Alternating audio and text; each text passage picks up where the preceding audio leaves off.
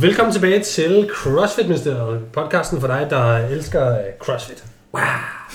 Ja. Og vi er stadigvæk Thomas og Andreas, bare lige så I med, og jeg er også. Vi, vi er tilbage efter en kort øh, pause her, og øh, noget der sådan har, ja, sådan, jeg har øh, personligt beskæftiget mig meget med, eller i hvert fald øh, øh, oplevet på nærmeste hold, det er jo øh, min kæreste, som øh, har selv haft en øh, diskusprolaps.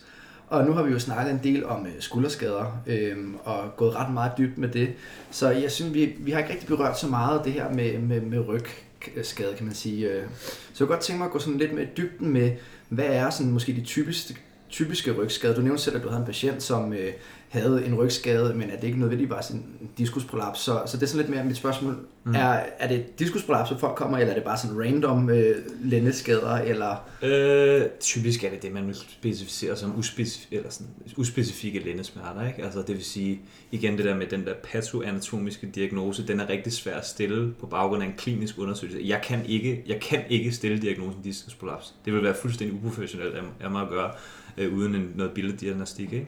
Jeg kan stille øh, diagnosen lændesmerter med udstråling, for eksempel hvis det går ned i ballerne, og så er der mange, der vil sige, det er en diskusplads, men det behøver det ikke nødvendigvis at være. Så jeg vil også spørge det til, at din, er din kæreste blevet... Har fået hun har faktisk fået en MR-scanning, hvor ja. hun har en diskusprolaps. Hvad, hvad er en diskusprolaps? Diskusprolaps er, hvad kan man sige, det der, altså den, det, hvad kan man sige, bruskvæv, der sidder inde i, øh, og der er sådan en væske inde i, og det kan ligesom, det kan løbe, løbe ud i, hvad man kalder en protrusion, der ligesom giver sådan en lille bule ud på disken mm. mellem de virvellæmerne der, og så kan det løbe helt ud, og det er sådan en prolaps, ikke? Hvor det ligesom, på rygsøjlen, som er... Ja, ja, altså de mellemvirvelskiver, der sidder, ja. sådan brugskiver.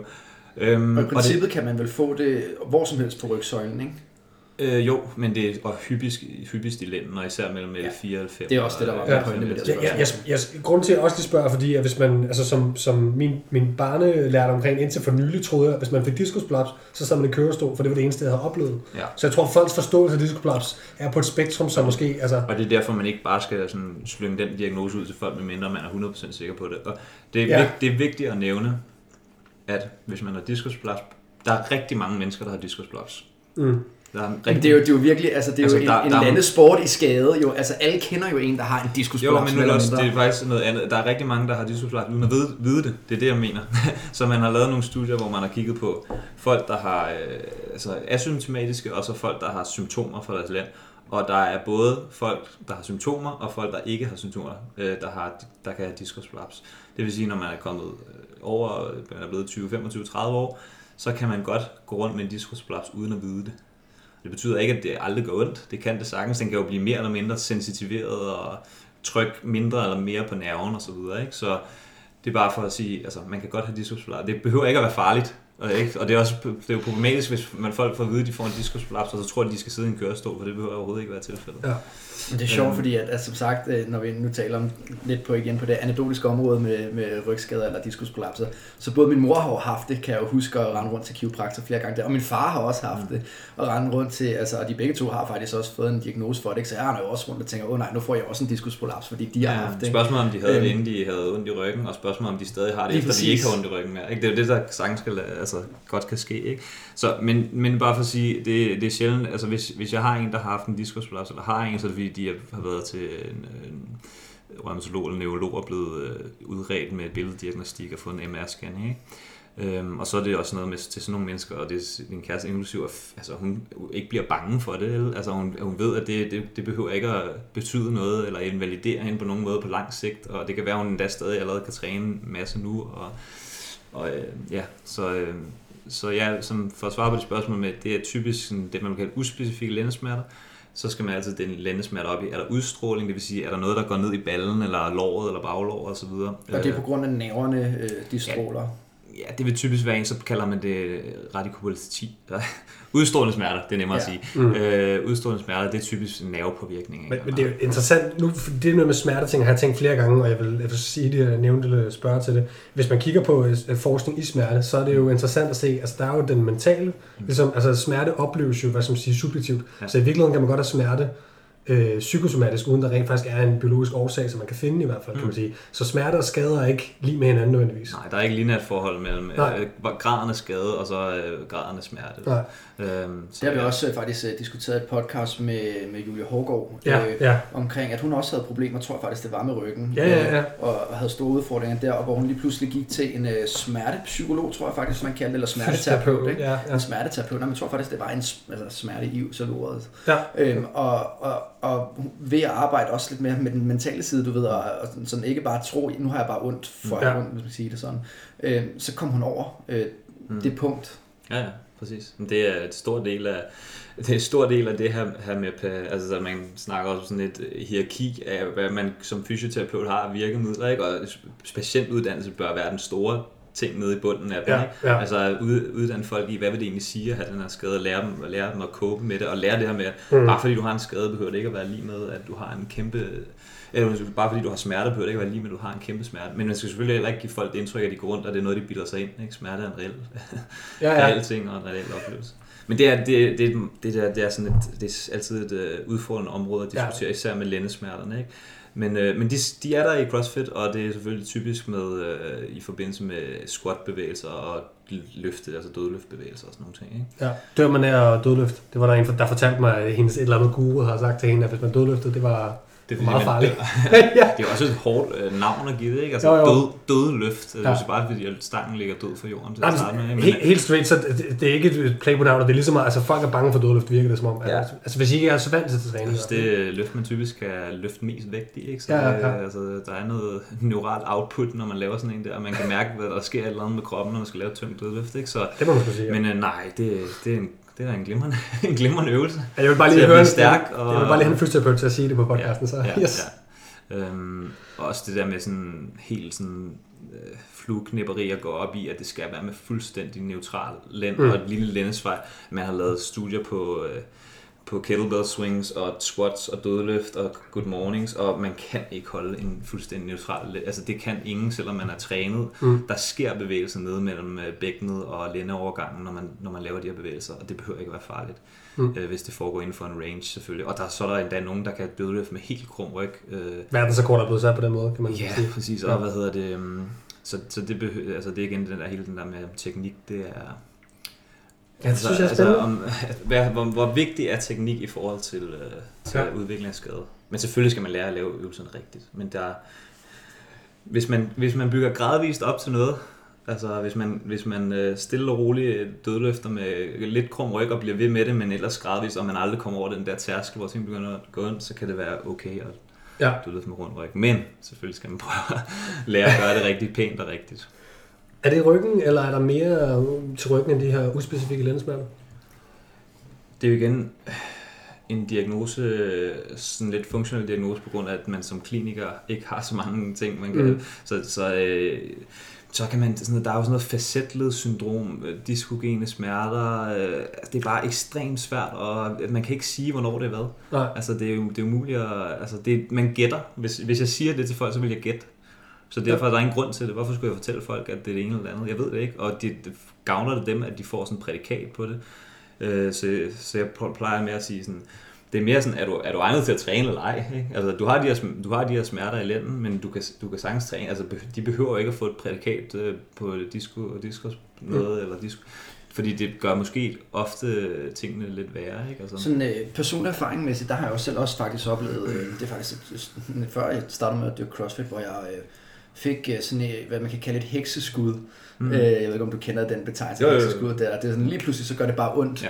i, i ryggen. Mm. Og, og det jeg egentlig fandt ud af, som var lidt interessant, øh, jeg kunne godt mærke, at jeg havde ondt i sådan selve lænden, altså sådan i, i, i, sådan, i omkring ledene. Ja. Men, men det der sådan nærmest gjorde smerten, eller dannede smerten for mig, tror jeg, mm.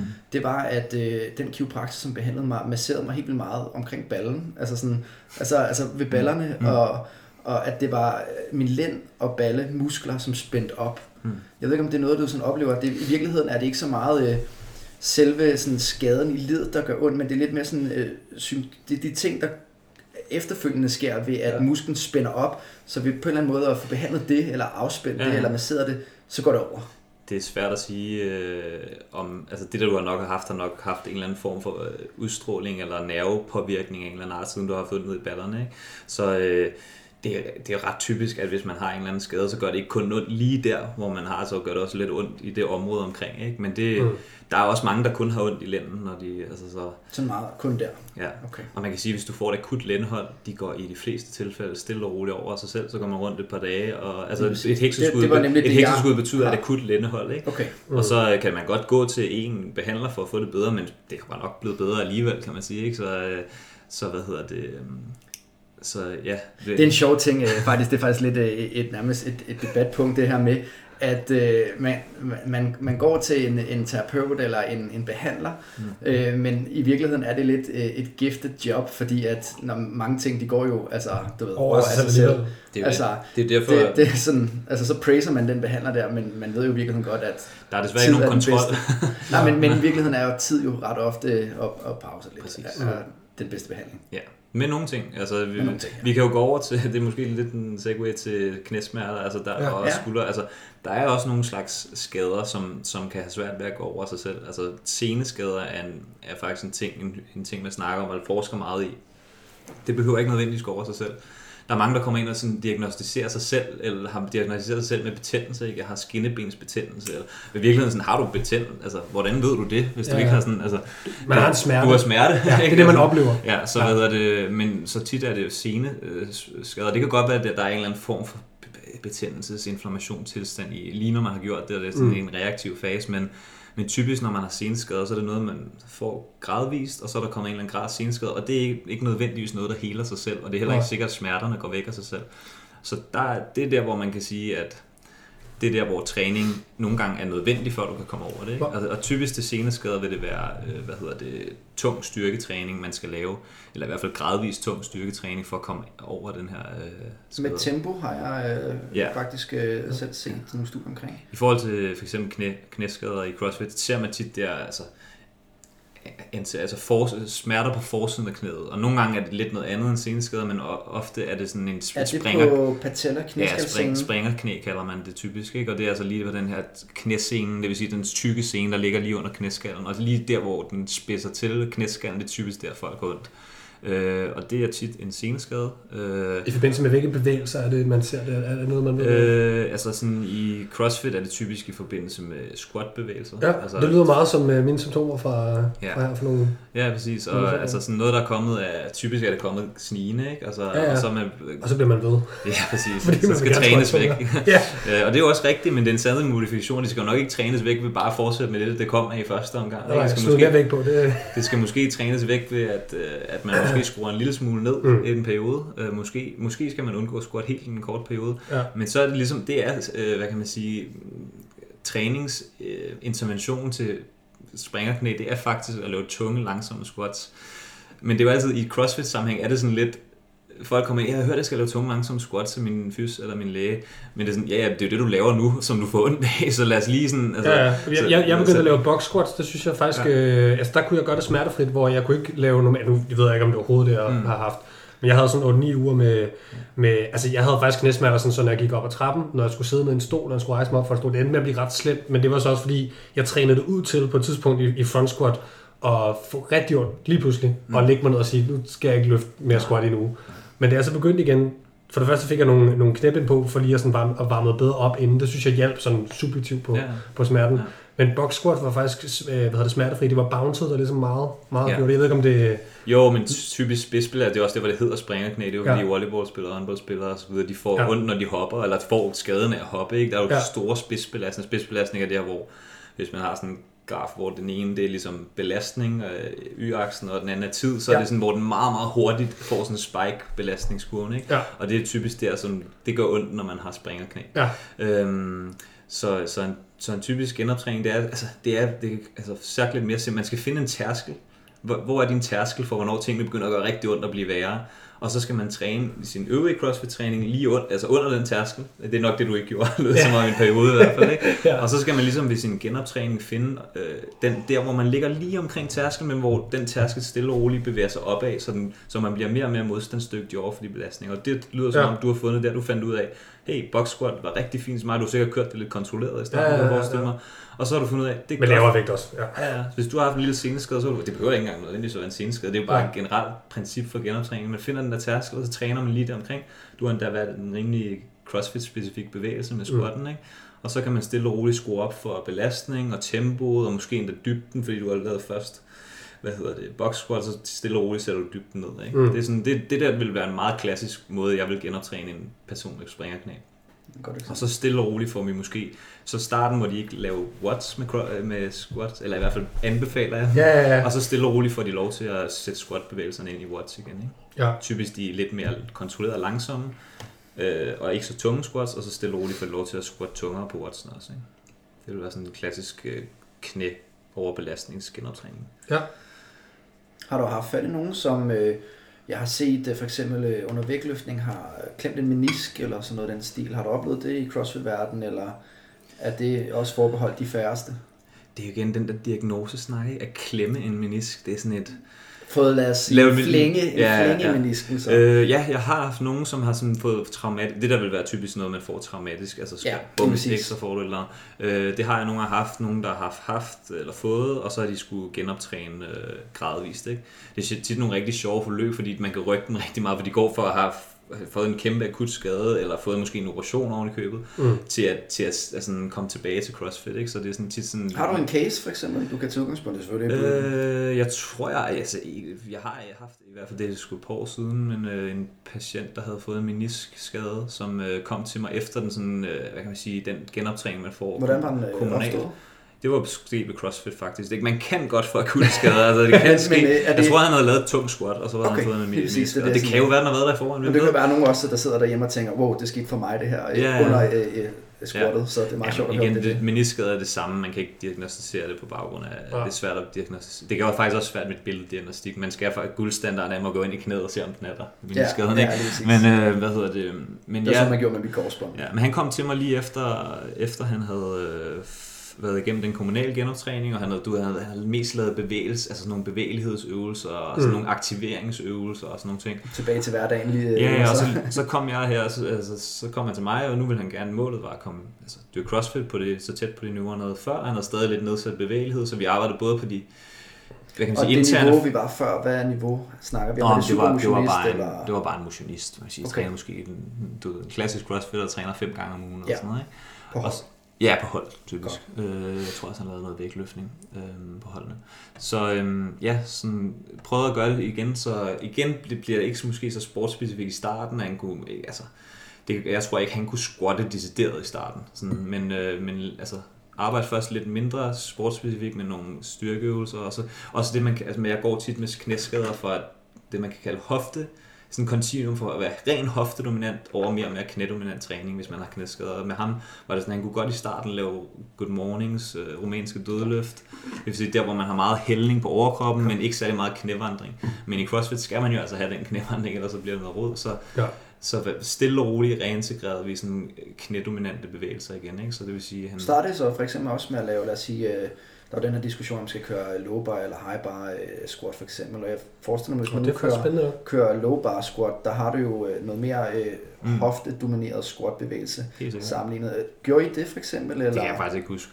Okay. men, øh, Men hvis det... du nu skulle gøre det nu, vil du så øh, ja, jeg prøver, lave den overvejelse? Jeg prøver i, i undersøgelsen prøver jeg at finde ud af, hvor, hvor, hvor meget hvor meget knædominant skal bevægelsen være, før det begynder at gå ind i mm. knæet. Så det er typisk starter vi med at lave en good morning, eller nogle gange ude i god tid, ikke? Altså, ja. det der med helt strakte knæ, mm. og det er kun hoften, der bevæger sig, det kan de typisk godt. Og så øh, good morning, fint. Og så på et eller andet sted i det der continuum, så begynder de at få ondt i knæet. Det er ikke altid, nogle gange kan de også sagtens lave air squats og sådan noget, men ja. typisk vil der være en eller anden form for knævandring, så begynder det at gå ind på forsiden af knæet, eller hvis man har meniskade nogle gange inde i knæet. Ikke? Så det prøver at finde den der tærskel, hvor kan de stadig træne, så de stadig kan få trænet deres ben. Øhm, og, og så kan man sige, øh, så gradvist skrue op for knapperne, som, så er det typisk et forløb, hvor det er meget forskelligt, men med ham her kom han en gang hver, i start, starten var måske hver tredje, fire uge, og så øh, gav vi ham et nyt program hver gang, hvor vi sådan gradvist skruede op for knæbelastning, prøvede at holde det sportsspecifikt. Stadig arbejdede på hans bevægelighed, som var et problem, altså i flexion, og det at kunne bøje knæet, ikke? så han stadig havde nogle mobilitetsøvelser. Øh, men ellers så prøvede jeg at gøre det sportsspecifikt, og så vende gradvist tilbage til squat-bevægelserne, et ben squat, lunge-bevægelserne, som er mere knædominante. Ikke? Altså man kan sige, øh, for at opsummere lidt det, vi har snakket om indtil videre, øh, både øh, til at starte med, med, med skulderskaderne, nu med rygskaderne, og så til sidst her med, med knæskader, så er det, handler det meget om det her med at, at prøve, i forhold til hvad du siger, at komme så tæt på at lave det så specifikt som muligt i forhold til, til det, man kommer fra, mm. men samtidig ikke komme derud, hvor at det gør ondt, hvis man kan sige det. Øhm, altså så, så, så finde en, en balance, hvor man gradvist optrapper den træning tilbage igen, ja. hvis jeg kan forstå det. Det er rigtigt. Lige det der med at gå ondt. Nogle gange er det okay, det gør lidt ondt. Okay. Må det gøre for ondt, eller hvad? Ja, altså, det er igen snak. Der er faktisk igen ja. i forhold til, måske er der noget, der indikerer lidt, at sådan noget, hvis man har seneskader, så må det faktisk, så er det næsten måske nogle gange bedre, hvis det gør en lille bitte smule ondt, ja. når man træner. Men det må selvfølgelig ikke sådan flære op bagefter. Man ja, det er jo faktisk relevant også for den genoptræning, jeg skal i gang med med min akillescene. Ja. Ikke? Hvor er grænsen for, hvor meget må jeg provokere den? Ja, øhm. præcis. Og jeg plejer at sige sådan, det må godt gøre lidt ondt, når du træner. Øh, men du skal mærke, at det gradvist går fremad. Så hvis det går ondt, når du træner, og du har, altså, så skal du, du skal som ugerne går mærke, at det går stille og roligt fremad. Ellers mm. må det ikke gå ondt. Så, fordi så er der nok måske en eller anden, det er en indikation på det, så, så gør det altså, lidt overtræning, ikke? Altså gør det for ondt. Og, så, øh, men ellers er det, du siger, fuldstændig rigtigt.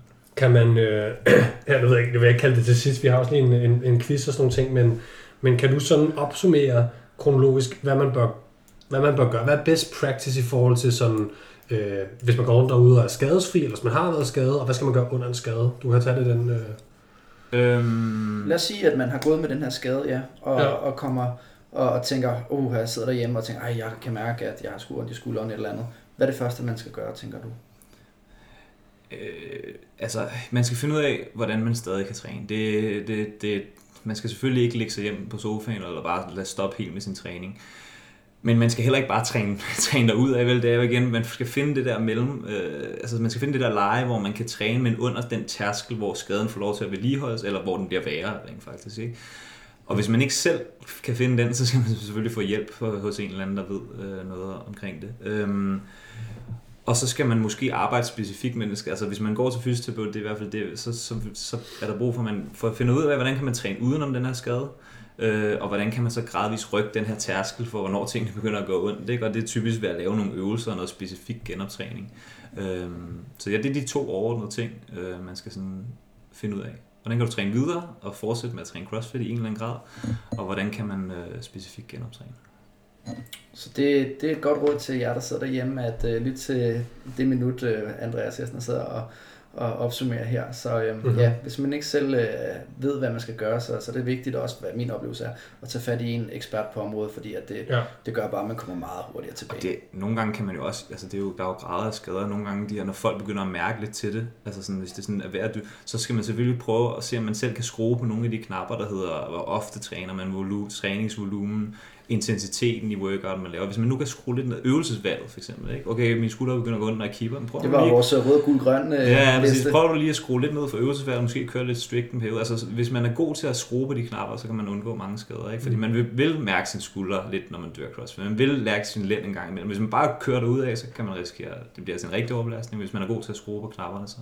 Så det er de eksterne faktorer. De interne faktorer for at prøve at forebygge lidt, eller hvis der er en under opsejlingsskade, så er det, prøv at tænke på, nogle gange kan det være, før man ligesom får skaden og behøver at gå til en fysioterapeut eller læge, så kan man måske godt arbejde med nogle af de her mere sådan generiske ting, altså sådan nogle, der er jo det her mobility watt og rom, mm. rom watt, eller mm. bare, man har nogle, haft nogle øvelser tidligere måske, eller sådan nogle, man laver på mobility holdet, eller og prøver at ligge og gøre noget, altså nogle gange siger sådan, prøv at gøre noget godt for den der skulder, du har, i stedet for bare at tæve den igennem, ikke? Altså sådan, Øhm, Når du siger generisk, så mener du sådan... Øh, generisk, ja, det er jo ikke et specifikt genoptræningsressourcer. Forebyggende måske. Mobility watt og sådan noget, men det kan måske være...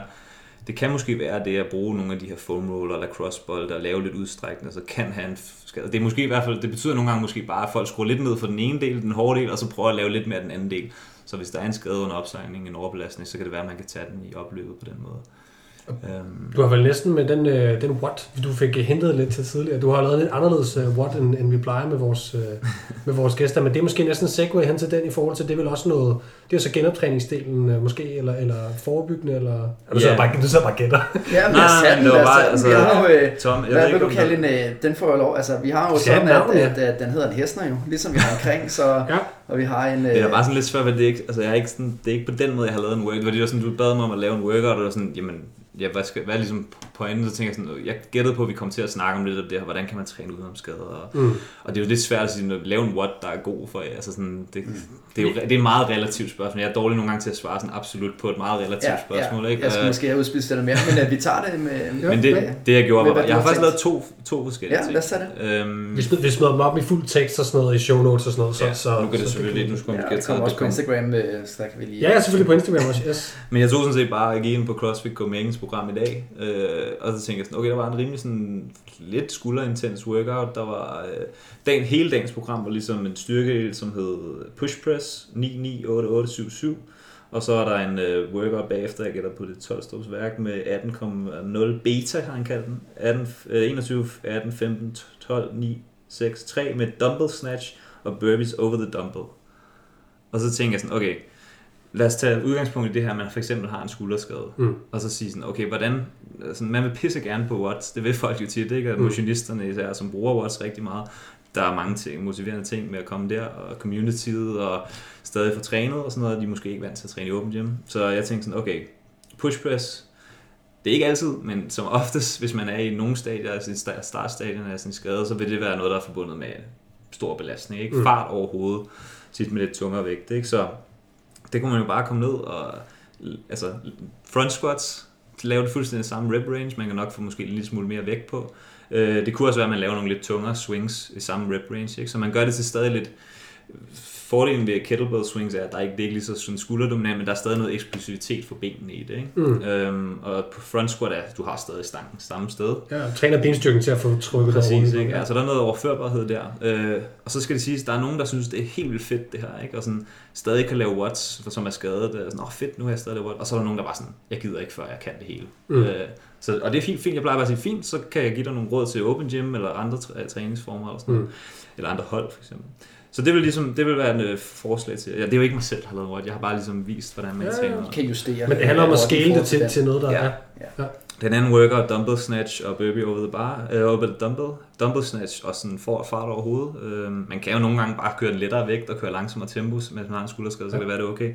Ellers skulle det være sådan, okay, dumbbell snatch, typisk en, det er en unilateral øvelse med en arm, dumbbell eller one arm swings med kettlebell kunne være sådan stadig en unilateral øvelse hvor man også får pulsen lidt op på samme måde, hvis man kører nok, men mindre skulderdominant, ikke? Det går også bare, man får også pulsen op af at lave dumbbell snatch, dødløft, det er også sådan mange, rekrutterer mange muskelfiber, lidt mm. samme bevægelse, ikke? så man kan også lave dødløft i stedet for i den der skal nok ikke være tunge dødløft, for der er mange reps, ikke? Man kan jo sige, at de pointer, du kommer med her, er jo faktisk ret relevante, fordi også det, jeg oplever som underviser, det er jo, at jeg i gennemsnit har en på hver Præcis. hold, der kommer, når der kommer de der 10-20 øh, på et hold, for der altid siger, jeg kan ikke lave det her, hvad kan jeg så lave? Så, så, det er så bliver du om at gå. ja, så, så, så, så tage hjem. Nej, øh, hvad hedder det? Så, så er det nemlig det, min opgave som underviser, nemlig at, at, at, at prøve at vejlede dem øh, i forhold til at finde en anden øvelse, der vil være relevant at give mening for dem. Og det er lige præcis det, du gør her. Ja. Øhm, så, og så det kan man godt tage med sig, nemlig også når man er, der, er derhjemme. Hvad for en øvelse vil give mening for mig, som jeg skal bruge i stedet for? Mm. Øhm, ikke fordi man ikke må spørge sin underviser, men, men det er bare det rigtig godt, godt også at gøre sig nogle tanker ja. omkring det selv. Og så vide, hvad der gør ondt. Altså hvis man bare kommer og siger, jeg har skadet skulderen, men man, har ikke, man ved ikke endnu. For eksempel burpees, jeg, der, under min skulderskade, der var det også et problem. Mm. Øhm, der, kunne jeg, der kunne jeg heller ikke lave, øh, hvad hedder det, mm. den pres, eller, eller også fange sig selv i fart. Og sådan mm. ting. Så, så hvis nu, at, at at man tænker, at skulderskade det er noget overhovedet, det er et problem, og mm. træneren ikke tænker over det. Du laver bare burpees, og så ja. får man ondt, og tænker, ej, hvor er du dum. Mm. Men det ved vedkommende jo ikke, for han kan ikke føle din smerte, kan man sige. Præcis. Så, øh, ja. ja. Så det er også det, det kan være, for mange ofte er det okay at lave dumbbell, undskyld, øh, burpees over the dumbbell. Altså, mm. når man har skulderskade, det kan være det helt fint, og så gør man bare det. Nogle gange kan det være, at det er fint i starten, så begynder man, okay, nu, nu er jeg nået tærsken, mm. og så kan man måske bare skifte ud til at lave øh, i stedet for at gå helt ned, hvor man presser sig bare ligesom på strakt arm. Sådan en plank burpee. Ja, præcis, ikke? Sådan, øh, så det kunne være en mulighed for det. Så det var i hvert fald den ene del, det var ligesom for at komme ind på hele det der med, hvordan man kan træne udenom. Ja. Den anden del, så tænker jeg sådan, okay, Thomas han har lige reddet sin akillescene over, så han skal da have et, yeah. et dagsprogram, han til sikkert også gerne, du ved det godt selvfølgelig selv, hvordan du kan træne, og du træner sikkert også stadig. Jeg tager gerne imod øh, hvad hedder det, ekstra vejledning og inspiration, fordi jeg synes godt nok, at det er stramt. Ikke? Ja. Altså.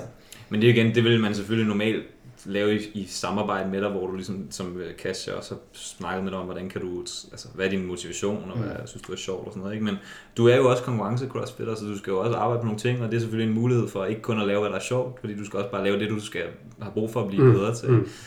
Øh, så jeg tænkte sådan, okay, vi tager sådan et helt dagsprogram, ikke? Øh, noget er jo kapacitet, every minute on the minute i 30 minutter. Så så jeg på en video med Instagram, hvor du lavede et bens burpees, Ja. Så tænker jeg, okay, det får man pulsen op af, så det laver du ikke det første minut.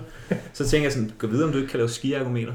Jo. Ja, så andet minut skiark, tredje minut, så tænker jeg sådan, dumbbell snatch, altså ikke så meget sådan triple extension, måske du kan stå på to flade fødder, måske skal du lægge lidt mere vægt på det ene ben, men jeg tror ikke, der er risiko for en re-ruptur der, eller det er nok ikke helt endnu. Men... så kan man jo gøre det med mindre vægt. For ja, mindre vægt, ikke? Så tredje minut dumbbell snatch. muscle snatch måske. Eller noget. Ja, ja, præcis. Ja, det vil være muscle snatch. Ja. Det er måske vigtigt lige at nævne. Ja. Så tænker jeg, om du ikke, kan du stadig sådan, kan du ro med det ene ben et eller andet sted? Ja, nogenlunde. Ja. Jeg må helst ikke uh, trykke for meget med det. Nej, så, men man kan jo sagtens have uh, benet ved siden af roeren, for eksempel. Ja, præcis. Så det, er sådan, det kunne for eksempel være roning der. Ikke? Så er i hvert fald stadig mulighed for at lave noget sådan, mere sådan steady state uh, aerob træning i længere periode med lave vægt og lav belastning og lave spidsbelastning. Så det er selvfølgelig alt afgørende i det her fase af din skade. Øhm, og bagefter en gymnastisk styrke, det er jo sådan noget, du kan lave en masse af. Ikke? Så der havde jeg lavet fem runder for kvalitet, Øh, Øh, jeg ved ikke hvor, helt, hvor stærk du er, så jeg har sådan 6-10 strict pull-ups, øh, 6-10 ring, øh, strict ring dips, 6-10 leg raises i ribbe. Det er sådan en godt fordeling af bevægemønstre, der er noget pres, der er noget træk, der er noget sådan mere hoftelukkende pike ting. Um, og så en uh, midlinje finisher, every minute on the minute i 12 minutter. Første minut 50 sekunders hollow body, og andet minut 25 sekunders side bends på hver side. Det burde det også kunne være. Ja. Nå, men det er sjovt, øh, fordi at de ting, du kommer med her, det, er jo, det ligner rigtig meget det, jeg egentlig selv ja, har øh, foretaget mig. Ikke? Altså, jeg lavede jo for eksempel også, øh, ikke for at ramme for mange tal op, det er svært at, at fange nogle gange, når man lytter med, men, men, men der lavede jeg, hvor jeg lavede strict toast to bar, som du selv nævner lidt i ribbe, øh, og så lavede jeg, hvad hedder det, nogle, øh, nogle strict handstand push-ups og nogle strict muscle-ups. Mm. Og så lavede jeg som sagt fem runder af det, et vis antal. Så det minder rigtig meget om ja. det, du får. Men, men, men nemlig det er det her med at fange pointen ja. omkring, hvordan kan vi arbejde så tæt på det, øh, som jeg gerne øh, skal lave, når jeg alligevel bliver 100% klar igen. Ja, præcis. Øhm, ja. Og som du også selv nævnte tidligere, så er der kortere vej til, til målet, når du så når du så skal i gang med det rigtige sportsspecifikke, ikke? og når du får støvlen af og så videre. Jeg oplevede forleden nemlig, at hvor jeg gik i gang med at lave en lang ro-workout, øhm, ja. og jeg har ikke haft pulsen op i sådan, så lang tid i træk, mm. det, det, tog mig lidt over, næsten en halv time hedder det, mm. og jeg, jeg var simpelthen køresyg, altså jeg, simpelthen, altså, jeg følte mig køresyg, søsyg, ligesom ja. jeg sidder i en karusel, og jeg sidder fremme, simpelthen så dårligt, jeg tænker, hold da op, hvor var det Der er ikke engang gået så lang tid. Nej, jeg tør ikke engang forestille mig, hvordan nej, nej. folk får det første gang, de kommer ind og skal prøve CrossFit, altså, ja, det snakker altså, det, det, ej, hvor havde det dårligt, ja, ikke? Altså, og det er det, jo længere tid øh, man går øh, med ikke at lave noget, bare sidde i sofaen, det gør jo mm. lidt meget lige nu på grund af at skrive speciale, ja. jo længere er vejen bare tilbage. Ikke? Altså, ja, sådan er det bare. Det er det, bare lige for at runde den helt af. Altså, det er det her, man arbejder med at få, altså man finder, man kalder det optimal load, ikke? Altså, hvor det før var ligesom efter sådan en akut skade, rest ikke? og is, og det er selvfølgelig også en stadig en del af først, så er det altså, så hurtigt som muligt finder man en eller anden load, der er optimal for det her skadevæv. Ikke? Man skal selvfølgelig, hvis dit tilfælde, passe helt vildt meget på omkring sådan en rekruptur, eller at det river sig selv op igen. Eller så det forfra. Præcis. Men, øh, men at man finder en, en optimal dosis af belastning på det skadede område, det er den hurtigste vej ud af en skade. Men det kan være svært, og man kan hurtigt træne over, og det, det er en kunst det der med at finde niveauet og tærsken for, hvornår tingene bliver bedre. Det, jeg tænker i virkeligheden CrossFit som sport blandt atleter selekterer lidt for atleter, der kender sig selv godt nok til at komme ud over alle de der skader på den måde, ved at lade være med at overtræne. Også generelt, tænker jeg. Altså fordi, også fordi, at, også fordi du ikke har en træner, ikke? Altså typisk har du ikke en træner, der fortæller dig, hvad du skal, som mange andre. Nej, altså, det er kun enkelte store atleter, ja, der har det, men, men, men så, ja. du styrer selv din træning, og CrossFit-træning også meget, altså hvor det er jo ikke et gradvist progressivt program, som mange sikkert, der laver styrkeløft og vægtløftning, ja, laver. Og der er ikke nogen typisk nogen periodisering og sådan noget, med mindre igen det er de her meget. Ja. Øh, men det er jo også generiske programmer, man kører tit der, ikke? Øh, ja, selv blandt og toppe lige det, har vi ja, snakket lidt om. At, at, ja. Ja. Så, så det er bare rigtig vigtigt, at man, fordi det er meget varieret træning, især hvis man træner på hold, altså det, du ved ikke, hvad, hvis du kigger på watchkalenderen, så ved du ikke, hvad du skal lave, når du kommer, vel? Så stiller det store krav til, at man kender sig selv, og sådan mm. tærskel for, hvornår ting øh, begynder at blive for meget. Man kan også sige, at en af de udfordringer, der er ved CrossFit lige i de her år, øh, det er jo, at det er jo, det er jo meget dynamisk sportsgren i den forstand, at den har stadigvæk i rivende udvikling. Altså ja, lige pludselig så, øh, så skal du lave noget mere, øh, er det, mener man kalder det unilateralt arbejde, ja, ikke med ja. dumbbellsene, Øh, hvor, hvor før der arbejdede vi meget øh, med begge arme på mm. en gang, og, øh, og sådan ting. Nu begynder vi at arbejde med den ene skulder og med den anden arm. I, i mit perspektiv, der tænker jeg det, eller i hvert fald kunne jeg forestille mig, for det her sundhedsmæssige perspektiv, er det rigtig fint, at vi får øh, noget mere arbejde på den måde, så, man ligesom, øh, så det ikke er den ene øh, arm eller ben, der er mere dominerende end det andet. Men uanset hvad, min pointe med det her er, lige pludselig så skal vi også begynde at gå på hænder. Nu skal vi begynde at lave nogle dumbbell snatches på en anden måde, end vi har været vant til. snatches, ja. Øh, det er dumbbell, lige præcis, som stiller store udfordringer til øh, vores mobility ja, eller vores øh, smidighed. Så, så, så det er en sportsgren, hvor mm. vi stadig ikke ved øh, helt præcist, hvad er det, hvilke krav der stilles øh, til, til den. Så, så, så den er hele tiden i rivende udvikling. Vi bliver hele tiden udfordret på en ny måde. Ergo, der vil også opstå måske øh, nogle, nogle steder, hvor vi kommer ud over vores limits, end, mm. end man vil gøre i andre sportsgrene, hvor man mm. kender kravet. Ja, præcis. Ja, Ja. Er det tid til quiz? Jamen, øh, det, vi, Nej, vi, vi okay. være ved quiz, øh, men lige faktisk ja. inden øh, vi, vi tager quizzen, ja. der øh, har jeg jo sagt, at I skal gå ind og anmelde os inde på vores øh, podcast. Ja. Nå, ja. Og øh, det er ja, ja. mega fedt. Øh, vi fik en anmeldelse, øh, jeg vil gerne læse den op. Jeg synes at ikke bare, at de har givet os nogle stjerner. Altså, vi har fået flere anmeldelser. Men, vi har faktisk fået mere, men en af dem vil jeg gerne ja, læse, ja. læse op. Øh, her, øh, så tænker jeg, at jeg læser den anden op ved næste gang, vi ja, ses. Ja, ja. Men, øh, men den første, vi har fået her, det er en, der hedder Jona 1723, og jeg håber ikke, at det er dig, Jonas. Jeg håber, det, det er, sgu ikke. en, en, en rigtig lytter. Det har været til numerolog. er det bare, er det på iTunes eller Facebook? Det er inde på, det er inde på iTunes, yes. det vil sige, at selve podcast-appen, ja. som øh, man kan gå ind og give os nogle stjerner og lave en anmeldelse. Og han skriver, lækkert endelig at have en dansk CrossFit-podcast med substans, substans og folk, der ved, hvad de taler om. Øh, tak fordi, at du øh, stoler på, at vi ved, hvad vi taler om. Og til sidst skriver han, der er helt klart øh, scoret en lytter. Så øh, vi er glade for, at øh, du lytter med. Jona, øh, Jona 1723. Ja, okay. Det er mega fedt. Ja. Og så lækkert med en, en anmeldelse. Så øh, bliv ved med det. Gå ind og anmeld os øh, og giv os nogle stjerner. Og så skriv en lille øh, anekdote og, om, om CrossFit og hvorfor du lige øh, gider at lytte med. Ja. Det er dygtigt, Thomas. Er du, er du klar med quiz nu også? Jeg er klar med quiz. Mm. Og øh, den er, jeg, jeg håber, at jeg har min, øh, hvad hedder det, øh, øh, sådan, øh, data korrekt. Øh, men øh, det finder vi ud af. Men den er i hvert fald i, i ånden øh, med podcastet om skader. Mm. Vi skal og, huske lige at forklare formatet for, for quizzen til den lytter, eventuelt er nye eller noget. Jamen, øh, i, ja. i princippet er det jo sådan, at du skal svare rigtigt på, på to spørgsmål, og så vinder du øh, ud af de tre, øh, og så vinder du øh, noget merchandise, når vi stadigvæk øh, ja. en gang får taget sammen til at få nogle kopper. Ja. Men øh, vi, har, vi, har, vi, vi skal nok få gjort det. Ja. Her, så, og så kan du drikke kaffe af den og sige til folk, at jeg har været i CrossFit-ministeriet. Ja. Så, men øh, det første spørgsmål, det er øh, øh, omhandler øh, denne kvinde her. Og det var, et kvinde hedder Julie Fouché, som tilbage øh, til i Regionals 2015 havde statet, at det var hendes sidste øh, sæson. Og hun ville jo rigtig gerne vinde Games det år, men desværre var det sådan, hun fik en skade. Mm. Og hvilken skade var det, hun fik? Altså, hun har i hvert fald reddet sin akillescene over, ligesom dig på et tidspunkt. Og fordi jeg kan huske, der var en workout, hvor hun... Øh, hvor der, det var noget med box jump også selvfølgelig, øh, hvor hun... F- Nej, det passer ikke. Jo, hun rev sin akillescene over, men det var vist jo, hun fortsatte med regionals. Det var sådan, det var. Ikke? Hun rev sin akillescene over, og så fortsatte hun uh, regionals konkurrencen. Uh, og færdiggjorde den, hvis så vidt jeg husker. Så, så det har været jeg, ja. ja, det er korrekt. Hun ja. rev sin akillescene over, og hun, uh, hun færdiggjorde, jeg tror faktisk ikke konkurrencen, men hun, ja. uh, hun uh, valgte, og den næste workout var at gå på hænder, og der var, det var hun meget dygtig til. Ja, ja. Så hun, uh, hun gik så på hænder og, og afsluttede sin individuelle karriere på den måde. Hun var så senere hen med os på hold faktisk. Ja. Øhm, så, men, men faktisk apropos egentlig bare, øh, nu ikke fordi vi skal snakke om Akilles senskade på grund af mig, men på grund af hende egentlig mere. Tror du, at det er noget, der hyppigt sker, eller er det øh, et, et tilfælde, at det skete for hende for eksempel?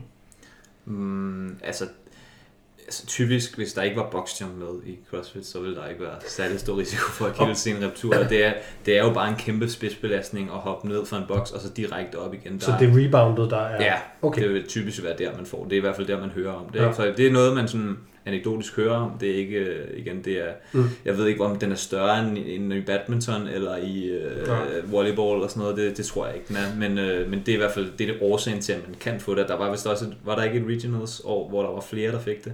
en eller anden hård workout. Det der døde box workout. Ja, var det ja, ja, præcis. Ja, der var sådan en lille, man ser jo nogle gange de her epidemier, fordi CrossFit er varieret træning, så ja. der kommer nogle gange nogle workouts, som der som der altså, kan man sige, hvor man ser sådan en lille epidemi. Der har også nogle gange været det med Rapdo, ikke? hvor man ser ja. sådan, så var der flere, der lagde sig med Rapdo efter en, en workout. Lige præcis. Så, ja.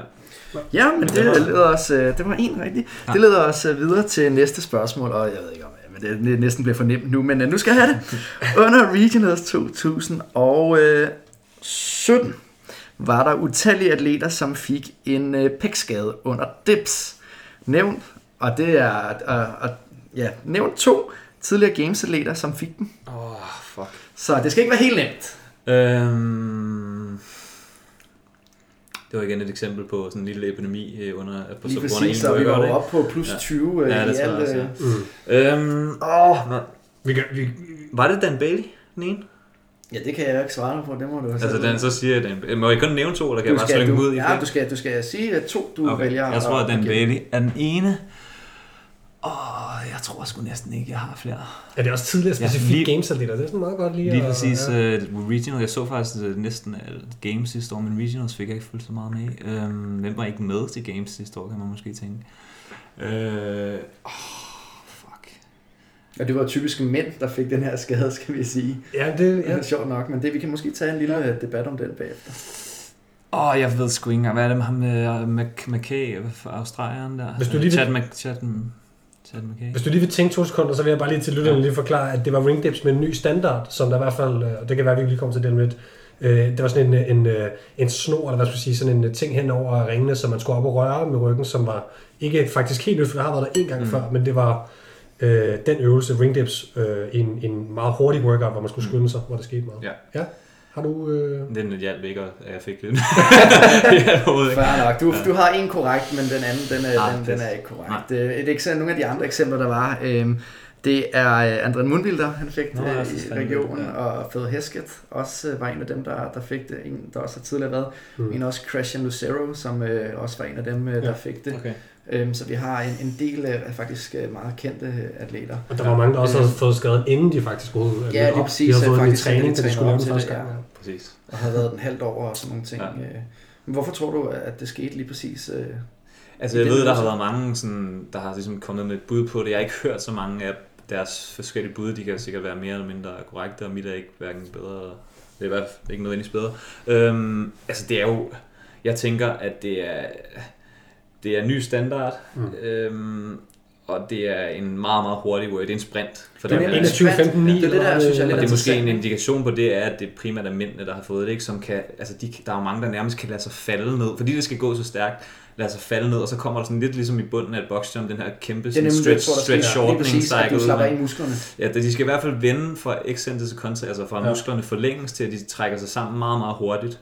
Øhm, og så skal de gøre det øh, på Øh, altså i en sprint workout, ikke? Så, øh, og så er det en, så fordi det, volumen i sig selv er jo ikke specielt høj. Altså der, der har været masser af workouts, hvor der er mange flere uh, ring dips, ikke? Men, men det her med, at, at det er en sprint workout, hvor man, kan, hvor man er langt fra failure, øh, eller typisk vil det var de ikke rimelig langt fra failure, ikke? men det skulle gå meget hurtigt. De oh, kunne, men altså, de, de kunne lade sig... kan jo lave det unbroken, Præcis. og de lavede det på øh, 3 minutter, de ja, workouts. Eller men det skulle gå hurtigt, og der var den her altså, spidsplads igen, hvis man har den der kurve, hvor de meget ja. lodret stigning i belastning, øh, hurtigere spidsbelastning og høj spidsbelastning, så øger man risikoen for øh, overrivning og mm. øh, hvad kan man sige, øh, fiberskader i ja. muskulaturen. Ikke? Nu gik der jo sådan en lille, øh, og det synes jeg er lidt værd at bemærke, og lidt sjovt for os, øh, sådan øh, en, ikke en rumor, men, men folk gik lidt og sagde, at det her det var testen for, om man havde krudtet sig. Ikke? Ja, altså, ja. Øhm, fordi at, at der er jo noget med, at når du træner eller tager stivider, så vokser dine muskler typisk hurtigere, end dine senere led øh, kan nå at følge med, mm. og så får du så skader på dem. Tror du, at det kan, Nå, at der er noget i det? Ja, men jeg ved, dem, for det første ved jeg ikke, hvor de rev den over, om det var med ved der, hvor scenen øh, ligesom møder musklen, altså hvor det var overrivning skete. Det, det var også med forskel, dem der har sagt, at ja. Nej, altså helt overset, nej, det tror jeg ikke. Ikke fordi de ikke har været krudtet, det Altså, det jeg kunne ikke lige så udtale godt- mig om, men øh, Det kunne lige så godt ske for nogen, der ikke havde krudtet den, som det kunne ske for dem, der havde krudtet den. det tror jeg, det tror jeg. Bare, bare lige til reference til lytterne, så var det event 5, 21, 15, 9 af Dumble Snatches og Ring Dips, og der var, jeg tror, de hurtigste tider var sådan noget 2-3 minutter eller sådan noget. Så, Ja. Og igen, det er jo ikke tonsvis af ring dips, det er bare til gengæld skal det gøres rigtig hurtigt, og mænd er, altså, det, ja, det, det der i bunden at holde ringe til, det er bare lidt nemmere for mænd, som alle har Mm. lidt sådan større overkropsmuskelmasse. Men det sjove er jo også, at øh, når, når jeg kigger, nu har jeg jo læst, selv læst lidt om kildesener og, og hvor stor en ratio der er i forhold til mænd og kvinder, så er det jo bare sådan, at øh, jeg tror, at øh, der er, det er ikke bare dobbelt så mange mænd, der får det, men det er endnu mere, altså der, der er meget større sandsynlighed for at få det som mand, end det er som kvinde. Øh, og jeg ved ikke, hvad, hvad det kan skyldes, om det er har noget at gøre med, at mænd de vejer mere, og når det er ligesom, at den her spidsbelastning, den stiger eksponentielt, alt afhængig af, hvor stor en vægt du har, ja. at det er fordi mænd typisk vejer mere end kvinder, eller hvorfor det er, er sådan, jeg ved det ikke. Nej, men jeg kan ikke, der er nok noget forskning på det, der må du ikke lige hænge mig op på, Nej. hvad det er. Øh, Nej, men, men det er bare, det er, men det, ligesom du har observeret, eller vi observerer øh, under det her regionals, øh, at det er mændene, det sker for typisk, så er det det samme, der sker i, omkring akillescener, så der er noget omkring, der... Jeg ved, jeg ved med, med for eksempel sådan noget som knæ, øh, patellas scene, altså sådan noget springerknæ, mm. så er det faktisk en øget risiko at være rigtig, rigtig eksplosiv. Ja, det simpelthen går hurtigere i bevægelsen. Ja, altså det er spørgsmål, hvad det, hvad det skyldes, og det er sådan, eller men det, ja, det kunne men altså, det, det, kunne være for eksempel, at man hopper højere, det vil sige, at der er en højere spidsplads, når man skal lande, for Ja, eksempel, og sådan okay, nogle ting, ja, ikke? ja, og det ja. kunne være lidt hen det samme, at det er stærkere, Ja, men det- der, men- der, er, der er højere belastning. Men det kunne være, altså det kunne igen, øh, der er en Mm. episode selv at bare snakke øh, skader ved mænd versus kvinder, hvad der er typisk for mænd, og hvad der er typisk for kvinder, og hvad man skal tage, altså der er jo alle mulige øh, Ja. forbehold, man kan gøre sig der, men det, det må vi vende tilbage til en anden dag. Ja. Øh, vi har sidste spørgsmål, øh, og se om du kan få den i mål, og det er, det er jo sådan, øh, skader kan jo være mange ting, øh, hvis man egentlig sådan, øh, ser det perspektiv på det. Så, så nu skal vi se, om den her vil falde ind under skader, men det kan jeg jo spørge dig bagefter om. Under Games 2015 i Møre fik mange atleter, inklusiv Mm. Anne Totus Dottir, hvilken type skade, hvis man kan betegne det som det? Hedeslag. Dehydrering, det er rigtigt. Altså, ja. Og, øh, og det er, vil du betegne det en skade, eller hvad, hvad, hvad er det sådan lidt mere? Er det, Det vil jeg, jeg vil, hvis det nu havde været i vores øh, review, der, sådan, at der har været lavet studie om det, så ville det nok ryge ind under den kategori, der hedder adverse events, eller Ja. bivirk, andre bivirkninger ved CrossFit. Ikke? Altså, det må sige at være en bivirkning af skade. Det er jo sådan en typisk sådan muskelskeletal Mm. skade, ikke? altså i bevægeapparatet. Og det der, det er nok en, en, det er en potentiel bivirkning, ikke? At, man, at man laver noget rigtig, rigtig hård øh, fysisk aktivitet under meget, meget ugunstige forhold, som er ekstrem varme. Ikke? Ja. Øhm, ja. Og grunden til at spørge om det her, det er også fordi, man kan jo godt sidde og lytte med derhjemme og tænke, Nå, men er dehydrering en skade? Og det er måske ikke lige præcis det, det der er min pointe med det her. Det er egentlig mere også det her, at der har været snakket meget om rhabdo. Mm. Øhm, og, og det, jeg ved ikke om, at det er samme kategori som dehydrering. Øhm, det er sådan lidt den, den, den vej, jeg gerne vil gå nu. Eller er det... Hvad, hvad er Rapdo til, til, til Øh, Rhabdo er det, man sådan populært set kalder eks, øh, træningsinduceret rhabdomyolyse. Ja. Man kalder øh, exertional rhabdomyolyse. Rhabdomyolyse er sådan et muskel ødelæggelsessymptom eller øh, syndrom, hvor man øh, typisk kan man få det ved, der er nogle narkomaner, der får det, der er nogle alkoholikere, der kan få det, der er nogen, der Og så crossfitter.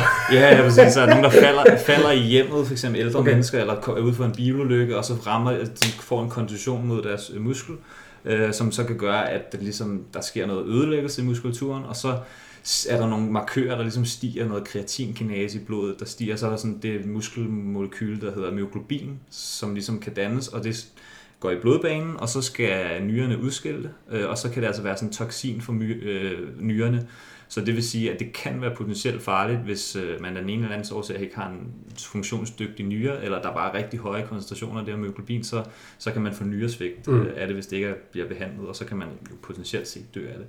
Og så kan man sige, at det, udover at man kan få det ved de andre ting, så kan man også få det ved meget, meget hård eller uvant fysisk aktivitet eller træning. Så øh, typisk ser man det blandt utrænede, som lige pludselig skal lave en eller anden træning. Det kan behøve ikke være crossfit, det er også nogle andre ting. Der er helt, jeg har set case-studier, hvor folk skulle lave 50, en, der skulle lave 50 sit-ups og fik det. Ikke? Altså, så det behøver ikke være særlig meget nødvendigvis, Nej, hvis man er meget utrænet. Men i CrossFit ser man det også, også blandt, øh, blandt øh, ret trænede atleter, øh, hvor man altså kan få det her.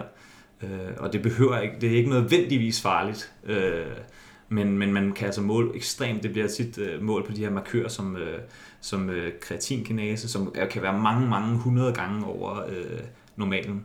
Øhm, eller 1000 gange over normalen. Og så mærker man, at symptomerne er, at man får øh, ekstrem øh, doms, det vil sige ekstrem muskelømhed. Nogle gange kommer det lige bagefter selve mm. eventet, eller selve workouten, og, eller dagen efter, hvor man sådan mærker ekstrem muskelømhed, øh, eller muskelsmerter og hævelse. Nogle gange. Også nogle gange tisser man... Øh, hvad hedder det, sådan colafarvet øh, tis, øh, fordi det er, ja, det er hemoglobinen, der, det er der det, giver man bliver rigtig nervøs, når man, når ja, det, det, så skal man, det, det er ikke fordi det behøver at være farligt, men man skal, hvis man mærker de der symptomer, skal man nok lige gå forbi. Som det ser ud nu, skal man lige gå forbi lægen i hvert fald, med, der, med det vi ved om det nu. Der er nogen, der som forbinder det med CrossFit på en eller anden specifik måde. Nu siger du så faktisk også, at det forekommer der, men, men på grund af det her Uncle Rapdo, som jo er en gammel øh, ja.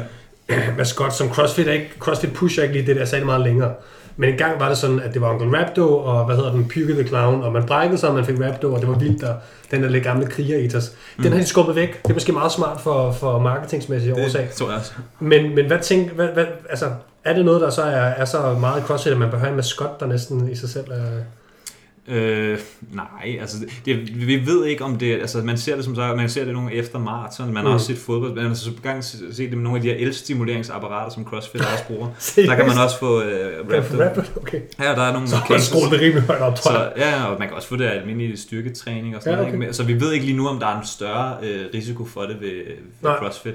Men altså der har været, altså for eksempel vi er ved at lave et uh, case-serie omkring uh, Raptormøllesen nu ved en konkurrence i Kolding i efteråret, hvor der var øh, 15 personer, der blev indlagt mm. med rhabdomyolyse efterfølgende på forskellige hospitaler rundt omkring i Danmark. Øhm, jeg var, var faktisk selv øh, med til den konkurrence. Ja, var, du, var du øm? Jeg var rigtig øm i min ja. mave, men altså... Det, hvor, hvor, tit, hvor tit laver du GOD? Eller hvad det jeg, har faktisk, jeg har jo så lavet det faktisk relativt tit, for jeg er dårlig til det, men jeg har også lavet det tre år eller fire år i træk til regional, så jeg er ligesom på en eller anden Konditioneret. Ja, lige præcis. Ja. Været, vidste godt, at jeg blev nødt til at lave det, for ikke at være helt udlagt, fordi ja. samtidig med, når man er dårlig til noget, så må man træne det. Ikke? Det skal også siges, men, at øhm, det var en hård workout. Man kunne ikke have forudsat det. det skal, der er ikke nogen, der skal klandres for, at man burde have set den komme. Det, men det var en hård workout. Og det der er, at de fleste center står der jo 0 til 2 GOD'er, ikke? Der ja. er 50 vækst. Dem bliver sgu ikke brugt så meget i mit center. Andet end dem, der tager det seriøst. Dem, som er sådan ja. wannabe-atleter, som mig for eksempel, ja. vi, vi bruger den. Og det skal også altså. siges til RX, som afholdt eventets ja. forsvar. Jeg har set uh, inde på deres hjemmeside, skriver de, hvad man skal være forberedt på til de ja. forskellige. Uh, ja. Og det var primært folk i intermediate-rækken, selvom det også var elite, eller mm. RX-rækken, der lavede det. Og der stod altså, at de skulle have lavet GOD'er. Eller ikke, det er ikke en klandring af atleterne, men altså, det er bare sådan, det, det er jo det er ekstremt, det der er med, det er ekstremt svært at forudse. Ja, øhm, det er ekstremt svært at forudse rhabdomyolyse, og så er der nok også noget i, at det var, det var en for hård workout, viste sig jo så, men altså, der var nok, det var nok ikke alle 15, der havde taget på hospitalet, hvis det var der ikke sådan, havde været sådan lidt en Facebook-storm, hvor folk fortæller, hey, jeg ligger altså på hospitalet, og du er også med mavemuskler. Så, så er det klart, at folk gerne vil have tjekket ud. Så, så de er altså ikke blevet indlagt, fordi at de var døden nær. De er blevet indlagt til observation for en sikkerheds skyld, og de har fået sat intravenøs salvand og sådan noget. Altså, jeg jo ikke, altså, det er jo, Hvis du var taget så, på hospitalet, havde du måske også blevet indlagt. Lige præcis. Det, ja. Altså, jeg havde jo også, øh, jeg var øm i maven, men jeg var ikke mere øm i min mave. Altså, jeg var, jeg var flækket efter konkurrence, men jeg flækkede efter alle konkurrencer. Præcis. Så jeg var ikke, det var ikke med... Du måske rappet efter alle konkurrencer. Ja, ja men så var, det her var det bare med, i, i, i maven, ja. men altså, andre gange har jeg været helt flækket min ben, ikke? Altså, ja. eller i ryggen ret ofte, hvor, altså, så det, igen, det, det var ikke anderledes end så mange andre konkurrencer. Tilfældigvis var det bare lige den her ja. ene workout, som havde måske, lad os sige, 40 GHD setups for meget mm. for, for 15 mennesker, som aldrig har lavet det før. Altså, jeg tror, at en del af dem havde lavet det før, men det, jeg ved, det er jo det, vi kan måske prøve at finde ud af ved det her studie, vi har lavet, men om der var en sammenhæng mellem dem, der lavede det lidt mindre, altså dem, der fik det, ikke, eller blev indlagt med det. Ja. Men, altså, men det kan potentielt være fejl. Der var faktisk en, der var på intensiv, og det betyder ofte med sådan noget her, man har været i dialyse, altså fået, ja. Øh, ja, mm. så, øh, så det, det, så man skal det er noget, man skal tage det. Man skal ja, tage det alvorligt. Man skal tage det alvorligt, det skal man ikke. Jeg, jeg synes jo, det er interessant i forhold til GTD. Hvis man bare lige sådan øh, følger lidt med på sådan nogle CrossFit-sider, så, så er det, trænere siger, det er, prøv lige, altså ligesom hvis man, man kan ikke nå at snatche 60 kilo første gang, prøv lige et par gange, altså bare lige en ting omkring den her GTD, fordi nede, nede i mit lokale center, så, så står der den her GTD, og den ser sjov ud, og de ser alle de store atleter gøre det med, med en bold og med vægter og sådan nogle ting. Øh, så det første, de gør, det er selvfølgelig at gå ned og lave 30 af gangen eller sådan noget. Prøv nu bare lige at lave måske 10 eller sådan noget. Altså, første gang man laver et setup, så er man kraftedet med bagefter, fordi det er en range of motion, man aldrig har prøvet før med sin mave. Ja, og det er også det, er jo det man ikke rigtig ved nu, men også ja. det, der kunne være spændende at finde ud af. Hvad, hvad er sådan højrisikoøvelser for ja. en Man har også set det nogle gange øh, med sådan noget jumping pull-ups, har folk fået det i deres sådan, arme og lats. Mm.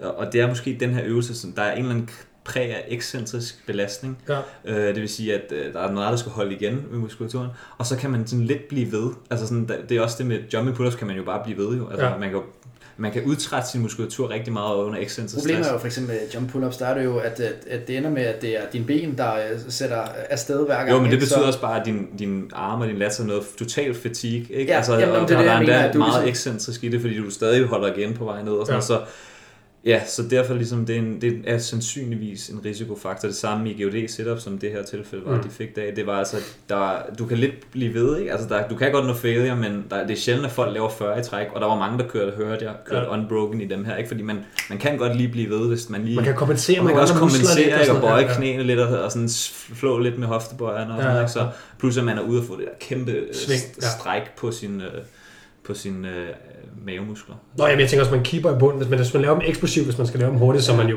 Og skal, det, kan man sige. og det, når man gør det, så bruger man den der forspænding. Så betyder Ja. det altså, at fra et fuldt udstrakt position af mavemusklerne, skal man ligesom trække den den anden Ja, vej. Ikke? Og ja. det, Det er en bevægelse, man øh, laver ufattelig få gange. Altså det er i generelt ved træning. Altså det Ja. laver den jo ikke. Altså, Nej, nej. Øh, ved andre øvelser. Det er også mobility-mæssigt, der faktisk en del har svært ved det. Det, så, det skal man også lige overveje med sin ryg i virkeligheden. Det er sådan en anden... Øh, Mm. ja. så ja, det, Det var Raptor 101. Hvad hedder det, øhm, Andreas, øh, hvis man skal finde dig, fordi øh, det kunne være, man har lyst til det. Hvor finder man dig henne på sociale medier og sådan noget? Øhm, jamen, vi har en øh, i vores øh, lille fysioterapi, øh, Bix i CrossFit, øh, tilknyttet CrossFit Copenhagen, har vi øh, en øh, Facebook-side, Mm-hmm. som vist hedder CFC Fysioterapi. Og så har vi en Instagram, øh, hvad hedder det, kanal, øh, Instagram øh, profil. Ja. Øhm, Side. og det er måske den, der er mest interessant at følge, for der synes jeg faktisk, vi lægger øh, nogle øh, ret praktiske videoer ud til øh, forskellige forebyggende tiltag og Ja. ja. præstationsoptimerende tiltag i forhold til mobilitetsøvelser og sådan nogle ting. Jamen, jeg følger med. Jeg synes, jeg synes det er godt. Ja, Ja. tak. Øhm, så, øh, så det vil jeg anbefale, at man går ind og, Og hvad hedder den? Den hedder vist også CFC Fysioterapi. Det er sådan noget underscore, men vi smider links op på, Ja. på Instagram og så videre. Ja. ja. Og så er vi ved at få lavet en, fordi Jens er kommet ind over at lave en hjemmeside i øjeblikket. Den er ikke op at køre endnu, men øh, forhåbentlig, det vi håber med det, er, at det kan blive lidt sådan en, et go-to sted for øh, crossfittere, der bliver enten skadet, eller som gerne vil forebygge skader. Okay. Altså, det, det ligesom bliver der, man kan ligesom gå hen og måske... øh, Der kan være, der er nogle workshop, man kan tilmelde sig, der er nogle, måske nogle blogposts, ja. øh, hvor man kan blive klogere på skader, og hvordan man kan forebygge dem og øh, ja, komme sig over dem. Så man kan komme til altså jeres klinik og Ja, blive ja, selvfølgelig. klient eller patient, eller hvad skal Ja, det glemte jeg også at sige, at øh, der kan man selvfølgelig også booke tid, når den bliver Ja. lavet, ellers så kan man booke øh, tid til... Jeg har ikke så mange tider, men Jens har masser af tider. Han er lige startet op fuld tid øh, på CrossFit Copenhagen's hjemmeside, op under fanebladet, der hedder Ekstra Ydelser, er vi gemt lidt væk øh, derinde, så kan man booke tid til os. Super god website. det skal. Ja, okay. Så, ja, Der kan man finde cool. Andreas Hessen er fysioterapeut, og øh, tak for, at I lyttede med. Jeg håber, I kan bruge det. Det blev lidt langt, men det var simpelthen det er spændende. Det er et vigtigt emne. Og husk at like, følge os og så videre. Thomas havde været inde på det. Tak for i dag.